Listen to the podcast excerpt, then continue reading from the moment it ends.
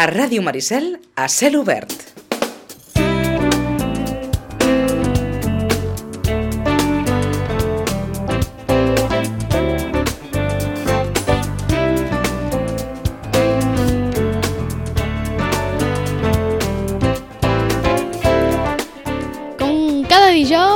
Aquesta hora ens arriba l'hora de les mascotes, d'aquest món animal que ens acompanya, que ens explica del que ens en parla veterinaris de Sala Goron, ja ho saben, aquí centre veterinari 24 hores al carrer Espalter, i avui ens acompanya Àlex Martínez. Hola, Àlex, molt bon dia. Hola, molt bon dia. I ens acompanya l'Àlex perquè ell és veterinari, sobretot especialitzat en animals exòtics. Que d'entrada, Àlex, t'hauria de preguntar de quins animals parlem quan parlem d'animals exòtics. Bueno, quan... Actualment, eh, animals exòtics ja no es fa servir, es diu més aviat nous animals de companyia. D'acord? Per què? Perquè es porten mascotes que no són exòtiques, com per exemple un conill o una fura, que són animals que podrien ser autòctons de- d'aquí, aleshores no són espècie exòtica. Se'ls diu nous animals de companyia. És tot el que no sigui gos, gat o cavall. D'acord. És a dir, nous animals de companyia seria la, la manera de, de, de parlar d'aquests animals que, no, que, que, que sortirien o que no serien ni gos, ni cavall, ni gat. Sí. I mm, quins són els més habituals, els que més us arriben a la consulta? En, en hospital el que més acostumem a veure són, són conills, és una mascota molt freqüent, també algunes aus, eh, sobretot periquitos, agapornis, eh, canaris, també venen fures i en menor mesura altres tipus de d'animals com serien camaleons, eh, cer- alguna iguana, serps... Més de la banda de rep- de rèptils, Sí. no? De rèptils. Menys comú, però també van venint. Però també n'hi ha. Em, Parla'ns, entenc que són animals que tenen caràcter... en- M'imagino que cadascú té la seva característica o les seves especificitats, però eh, englobant-los com aquests nous animals de companyia, hi ha alguna característica pròpia de tots ells? Sí, potser podríem dir que no són ni gos ni gat, vale? aleshores tendim a, a conèixer bé els gossos o els gats en quant al seu comportament. Aquests, la majoria, no són depredadors, sinó que són preses. Aleshores, el seu comportament o les seves manifestacions de malaltia o malestar són molt diferents de les d'un gos o un gat, els quals de seguida estan malaltons, no volen menjar, estan xafats. Aquests no, aquests aguantaran fins que no puguin Fins més. que no puguin més. Aleshores s'ha de conèixer bastant el seu... Per tant, entenc que s'ha d'estar més a la white Sí. de coses que els hi puguin... Perquè potser sí que no estan bé, però es mantenen. Ho amaguen. diguéssim, Ho amaguen. Eh, Si no, si... Per no mostrar la feblesa, no? Exacte, si no serien prim... els primers els que, els que devoren. I mm, aquest tipus d'animals es poden comprar, adquirir eh, d'una manera tan fàcil com un gos o un gat o no? O requereixen d'algun altre tipus de, no sé si d'especialitat o certificat o... Depèn de, depèn de l'espècie animal. Hi ha un conveni internacional que es diu conveni CITES, en el qual regula eh, el grau de protecció d'una espècie determinada. Uh -huh. Animals com, per exemple, un conill, una fura, un periquito, que no tenen cap tipus de regulació especial, es poden adquirir fàcilment a, a un criador, a, a, a botigues o, o idealment algú que en tingui a casa que li hagin criat. Em, tu ets prou jove, però no sé si des de la sala, des, del, des de la sala veterinària, des de l'hospital, noteu que hi ha un boom o un augment d'aquest tipus d'animals a les cases, a les llars. Cada vegada la gent opta més per buscar animals fora del gos i el gat? Uh, sí, inclús em, veiem una certa tendència segons, segons el temps, no? Fa, per exemple, 10 anys uh, es van, com, entre cometes, posar de moda les fures. Uh -huh. Hi havia, veiem moltes fures. Sí. Ara les fures ja no estan tan de moda, entre cometes, vale? sí que el que veiem molt és, són, per exemple, conills i, i covalles, que a vegades s'entenen més. I, I ara que dius, veiem molts conills, conills i covalles, quines són les característiques o el que hem de tenir en compte si tenim un conill o una covalla a casa, que, que com dius doncs, és un animal que cada vegada hi ha més no? a les llars, potser per aquella cosa de, de que els veus així que semblen peluixos no? d'entrada, que Sí. semblen fàcils. No sé si semblen més fàcils del que són. Sí no, és a dir, són animals que són sorprenentment intel·ligents i són molt carinyosos. Són, ells viuen en grup de forma habitual, aleshores a casa nosaltres som la seva família i interactuen moltíssim amb els, amb els propietaris. Qui no té un conill o no ha tingut no, no sap de què parlo realment. Eh?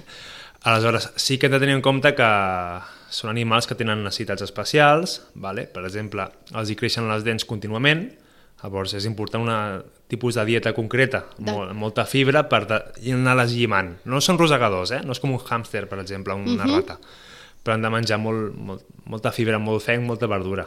D'acord. Ara a l'estiu hem de vigilar molt amb la calor. A partir de 28 graus poden patir cops de calor. I entenc que aleshores s'han d'hidratar més, se'ls ha però mullar, no sé si mullar excepte en l'aigua... L'ideal és un lloc fresquet de la casa i si fa calor, el millor és mullar les orelles, que és un, és un intercanvi en la temperatura i on més els hi refresquem. Han de viure o viuen en gàbies també o poden estar per la Idealment, casa? qualsevol animal, com qualsevol persona, com més espai millor. D'acord, és a dir, Aleshores- la gàbia és un invent humà, Sí, no? és, és una garjola. Exacte. Si el tens en gàbia, com més gran sigui millor, i sempre es recomana mínim dues hores al dia d'exercici. Que surti, que campi, que corri, compta amb els cables, compta amb els sofàs, amb les moquetes, Perquè els mosseguen... mosseguen i s'ho poden... Bueno, a part del que es poden rampar o poden fer amb el sofà, poden causar certes obstruccions digestives, que no és desitjable. En general, tu que, que, que tens doncs, a les persones no? que et venen amb aquests animals, en aquest cas amb els conills, amb les covalles, en general els sabem tractar bé? Al propietari Sí. sí. refereixes.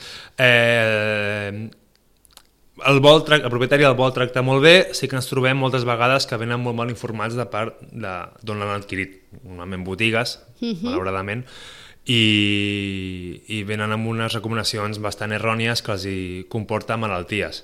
Com ara, per exemple... Molt comú són problemes de, precisament una mala dieta, eh, dona problemes a nivell de desgast dels dents, els hi creixen. I els hi creixen i es desvien. D'acord. Una desviació en un animal així no és com nosaltres, que et poses uns aparatillos i, Uns bràquets i fuera. se t'arregla. Ells el problema és que els hi creixen contínuament, tota la vida, a la velocitat del nostre cabell. Aleshores, si ja tens un dent tort, anirà torçant-se i cada vegada pitjor i requereix llimats periòdics. Això, en molts casos, eh, es resoldria amb, amb una bona pauta de dieta des d'un principi i evitar certes races. D'acord. I el tema de la sobrealimentació en aquests animals també és un fet habitual? Que tendim a sobrealimentar? Perquè de fet és un fet que, que, que ens sobrealimentem en general tots, no? És a dir, ja no els Sí, animals, eh? sí, ens sí. sobrealimentem nosaltres. No sé si quan tenim una mascota, també una, Sí. una en aquest cas una, un, animal, un nou animal de companyia, també tendim a sobrealimentar per allò de ai, mira, això li agradarà, o aquestes xutxes que et venen ara per animals... Tendim a sobrealimentar amb el que no hem de sobrealimentar. És a dir, um, un conill està fet per menjar contínuament. La seva dieta és um, herba, és molt poc nutritiva. Aleshores, té un sistema digestiu molt desenvolupat, que inclús té una doble digestió, ingereixen les seves pròpies femtes, Sí. es diuen cecotrofos, en moments concrets, aleshores han d'estar menjant contínuament, però estan preparats per menjar una dieta pobrament calòrica. Vale? Si els hi estem alimentant amb gra, amb, amb llavors o amb pinsos a dojo, sí que els estem sobrealimentant. Ara bé, l'ideal seria pues, sí, una miqueta de pinso pot menjar, però la majoria ha de ser eh, fenc o verdures. Aquí pot menjar el que doni I que no ens sàpiga greu, no? Ai, pobre, que sempre menja el mateix, quin avorriment, que no passa res. No, que de podem- vegades tenim com conductes humanes amb animals, no? Sí, sí, jo, jo primer, llavors el que recomano és dir, pues, fencs tens molt, molts tipus, fencs és un tipus de processat de l'herba. Uh Mhm. -huh. Aleshores pots tenir herba de, de dent de lleó, de gramínies, de- d'eufals, de, I de, pots anar de flors. revariant Clar, i veient quina variant. li agrada més, no? Sí. Que m'imagino que ells també tenen els seus Sí, sí, gustos, sí, sí, no? Som, som, Particulars. els conills són molt maniàtics. Sí, sí. I, de, després alguna, les verduretes també pots variar. Avui li dono canonges, demà li dono rúcula i... Aproximadament quants anys viuen els conills? De mitja uns 8. Vuit anyets. N'hem vist de 13 eh? i 14, però l'habitual són uns 8, potser cada vegada més tiren a 9. És un bon animal de companyia? Molt. recomanaries a Jo una sí. família? Sí, sí, sí. sí, sí. N'he tingut i... I sí, el recomanaries. Li agraden els conills? Doncs escolta'm, per aquelles persones que tinguin conills, doncs que quedin-se amb aquestes, amb aquestes recomanacions, o aquells que us estigueu pensant en un animal de companyia, doncs que sapigueu que el conill és una bona opció. Anem cap a uns altres. Ens has parlat d'aus, Sí. de periquitos, no sé si... Aquí també entren els lloros, no sé si també és sí, habitual. Sí, per aquí és un lloro. Ah, d'acord, És- aquí la, la No. que en sap, eh? No, no, a veure, això estem... És un lloro petit. D'acord. Vale? El terme lloro s'inclou qualsevol au de família de les citàcides. Sí. són unes aus que poden mm, bueno, tenen un bec concret que poden moure amunt i avall, els dos, el de dalt i el de baix. Aleshores, el periquito o les nimfes també són, són lloros, o els agapornis. Són petitets, però són lloros. També és sí. habitual o que, no sé, tinc la sensació que n'hi ha menys, que la gent opta menys per les aus. O com ho veieu vosaltres des de la sala? No, aquí sí que no hem vist una evolució a nivell de, de nombre d'animals que ens venen de- d'aquest tipus. Per, I en aquest cas, en el cas de, de tenir una au, clar, eh, és veritat que la majoria, em, sigui l'animal que sigui, acabem optant per una gàbia, no? per, per que en determinats moments estigui allà tranquil, que en el cas de les aus també és necessari que tinguin el seu moment d'esbarjo fora de la, la gàbia? Depèn, dependrà molt de l'au. Eh, L'ideal és que estigui acostumada o que estigui mm, entrenada, diguéssim, perquè no sigui un trauma després d'entrar a la gàbia. Perquè si no pot, pot patir lesions si has d'anar caçant l'au per casa. O se pot escapar o estampar contra la finestra. Aleshores, eh, sí, l'ideal seria eh, educar-la, són molt intel·ligents, dic els, els lloros, eh? Els lloros. Canari també pots fer-ho, però no és tan fàcil.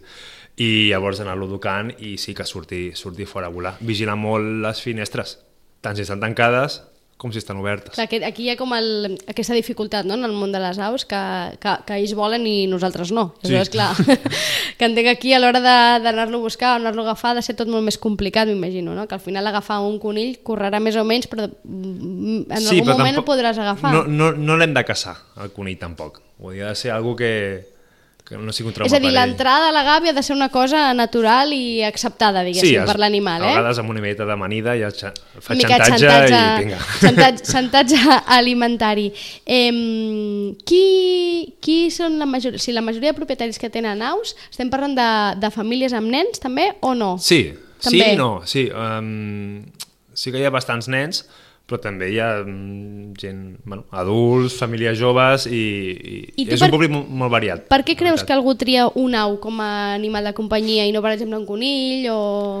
Jo crec perquè, primer, són molt maques, són vistoses, eh, algunes parlen o fan certs sons i, i són, realment són molt intel·ligents també les, els lloros.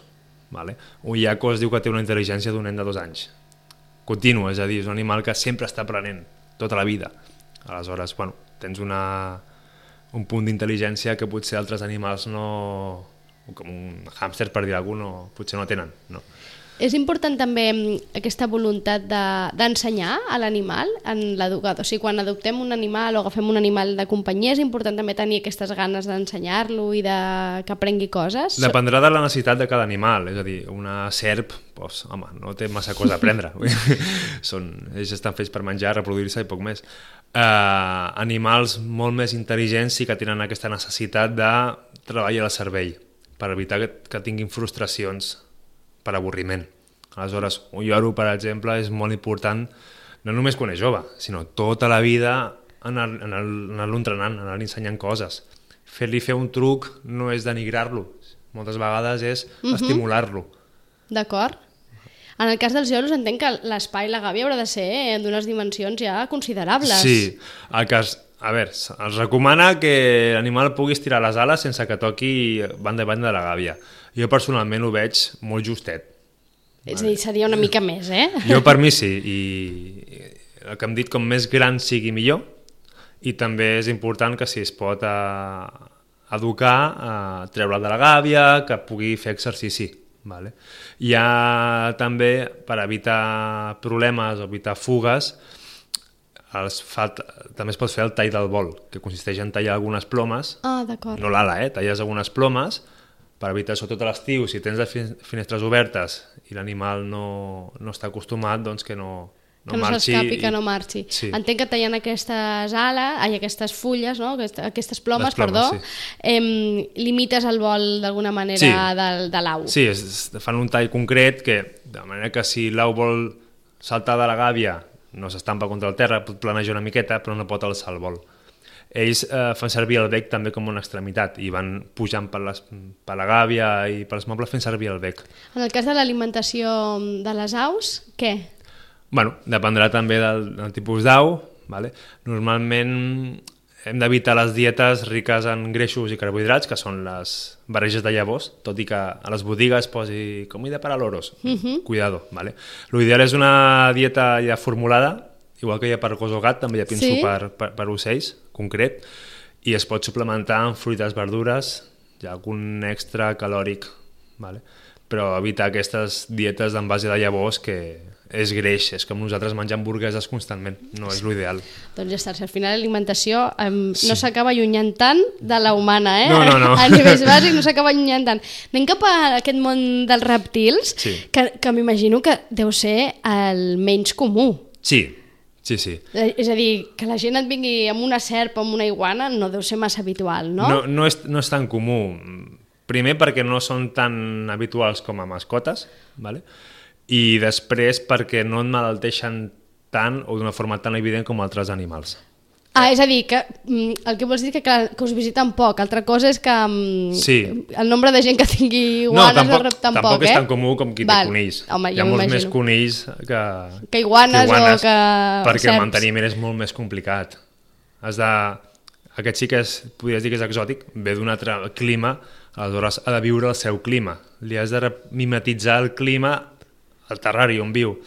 Cada espècie és diferent, eh, llavors és bastant més complicat que tenir un conill a casa. Per tant, necessita una climatologia específica Sí. que has de crear, entenc, en aquell terrari, per tant, Sí. potser, no sé si amb modificadors o amb històries vàries, Cada no? espècie és diferent. Pots tenir una pogona que viu al desert d'Austràlia, Clar. o pots tenir un camaleó que viu a les muntanyes del Iemen, aleshores mm, tindràs moltes necessitats molt diferents. I això sempre abans d'agafar-te un animal, informar-te bé. Clar, se'm fa curiós entendre una iguana o un camaleó o una serp, encara més, com animal de companyia, perquè clar, no sé, és, eh, ten, tenim aquella sensació no, que el conill, doncs mira, encara el pots acariciar, jugar amb ell, com deies, és intel·ligent, no sé què, no dic que, que la serp no ho sigui, eh, però clar, no sé si amb la serp mm, Bueno, pots- pots jugar massa. Pots interactuar-hi, vull dir, i realment t'arriben a conèixer. Uh, serps o sobretot iguanes potser són més, diria que es reconeixen més a, a les persones, però clar, no et vindrà a fer mimos ni a donar-te la puteta. T'associarà com a algú pues, positiu o que no li fa mal, però no són animals amb els que tinguis una interacció tan evident o tan forta com amb un conill. Són, diries que és més com a adorno o el hobby de mantenir aquestes condicions. És allò Llavors, que t'agrada aquell animal, no? I, Sí. i aquella cosa de que poder tenir aquest animal a casa, Sí. cuidar-lo i... Llavors entres en consideracions ètiques de si realment tenir un animal així és ètic o no, però bueno, i això ja és un altre, un Perquè altre tema. la gent que té aquest tipus d'animals, perquè per les que veieu a la consulta, entenc que aquí ja no parlem de famílies amb nens, sé què, sinó doncs això, gent que pel que sigui li agraden molt aquest tipus d'animals. No creguis, o- eh? També, També hi ha famílies? Hi ha bastants nens que, Sí? que els agraden els rèptils i, i oh, vull una serp, vull una serp, potser no el, tens una serp si no li tenen un camaleó, que potser és bastant més complicat de tenir, la veritat. Però... En aquí la mare o el pare el condicionat I hem de negociar. A veure, fill, una serp, exacte, anem a negociar i anem a optar per una cosa més petit. Sí. Bueno, no sé si és, molt més petit un camaleó que una serp, depèn, no? Sí, depèn, però sí, normalment sí. En, en el cas d'aquests animals, el tema de l'alimentació, entenc que aquí també es complica la cosa, perquè aquí pinso... No, pinso no. No serveix per res. No, la majoria són de... Aquests sí que són depredadors. Bueno, iguanes no, no? Però les se- serps o camaleons són depredadors, aleshores se'ls hi ha d'alimentar amb presa. Pot ser presa viva o presa morta. En serps, per exemple, pots, es pot oferir presa, Presa viva. vol dir altres animals. Altres animalets. I viu pot ser un ratolí viu, o una rata, o un hàmster, o un és com veiem la natura en la seva màxima Sí. expressió a dins de casa, no? Sí, ara bé, per evitar també... Bueno, Segons quins espectacles. Segons quins espectacles pots acostumar a la serp, per exemple, a menjar presa morta. O sigui, comprar-la ja congelada D'acord. i... Se, se Que entenc que això es ven en botigues especialitzades, no? Presa morta. Sí, sí, sí, o distribuïdors. Ara, ara m'he imaginat un congelador ple de rates mortes. No, no, a veure, qui té, qui té, qui té un animal així, doncs ja ho té. Ja Clar, té, clar, no, no, home, i a més, òbviament, si tens un animal així, entenc que, que has d'acceptar no, les condicions eh, Sí, sí. de l'animal, i si requereix aquesta alimentació, doncs Exacte, sí, sí. ho has d'acceptar des del primer mi- minut, no? Eh, clar, un terrari aquí, eh, això també requereix espai. Sí, sí, sí. De... Això qualsevol pis, qualsevol casa no podem... Depèn de l'espècie. Hi ha, per exemple, la pitó real, és, és un tipus de pitó que no és molt gran i la major part de la seva vida, el 95% del temps, està enroscada en el seu cau. Surt només per menjar i mudar i torna, i I torna, torna i torna al al cau. Aleshores, aquestes sí que no requereixen un gran un gran espai o un gran, una gran instal·lació, a més són fàcils de mantenir. Ara està, està prohibida, o sigui que no, Ah. aquesta no, no es pot tenir, però aquestes són, entre cometes, fàcils. Tens certs tipus de d'animals que, per exemple, una iguana que t'arriba a fer dos metres de la punta del cap a punta de la cua i són arbolícoles, doncs, home, imagina't la instal·lació. L'ideal seria una habitació només per l'animal, una habitació a 42 graus Clar, de i, temperatura. Per tant, mengen, ara deies, són arborícoles, mengen, per tant, eh, verd. Sí, les iguanes sí, són... són Però unes quantitats de verd eh, industrials deuen ser. Mengen bastant. Pensa que els rèptils no, són, no són de sang calenta, són de sang freda, Freda, com a sí. heteroterms, aleshores no gasten energia en produir calor. Li hem de donar nosaltres la calor. Amb el que els seus requeriments nutricionals són molt inferiors als d'un mamífer. D'acord, Per exemple, una serp adulta pot menjar un cop al mes o cada dos mesos. caram. Una iguana, sí, menja cada dia, però no és com... no són uns volums tan, tan grans com seria un conill de la mateixa mida. D'acord. Àlex, quin és l'animal més estrany amb el que t'han vingut a la consulta? Uf. Bueno, estrany, podríem dir, per poc freqüent m'han posat alguna cabra o... Una cabra? Sí.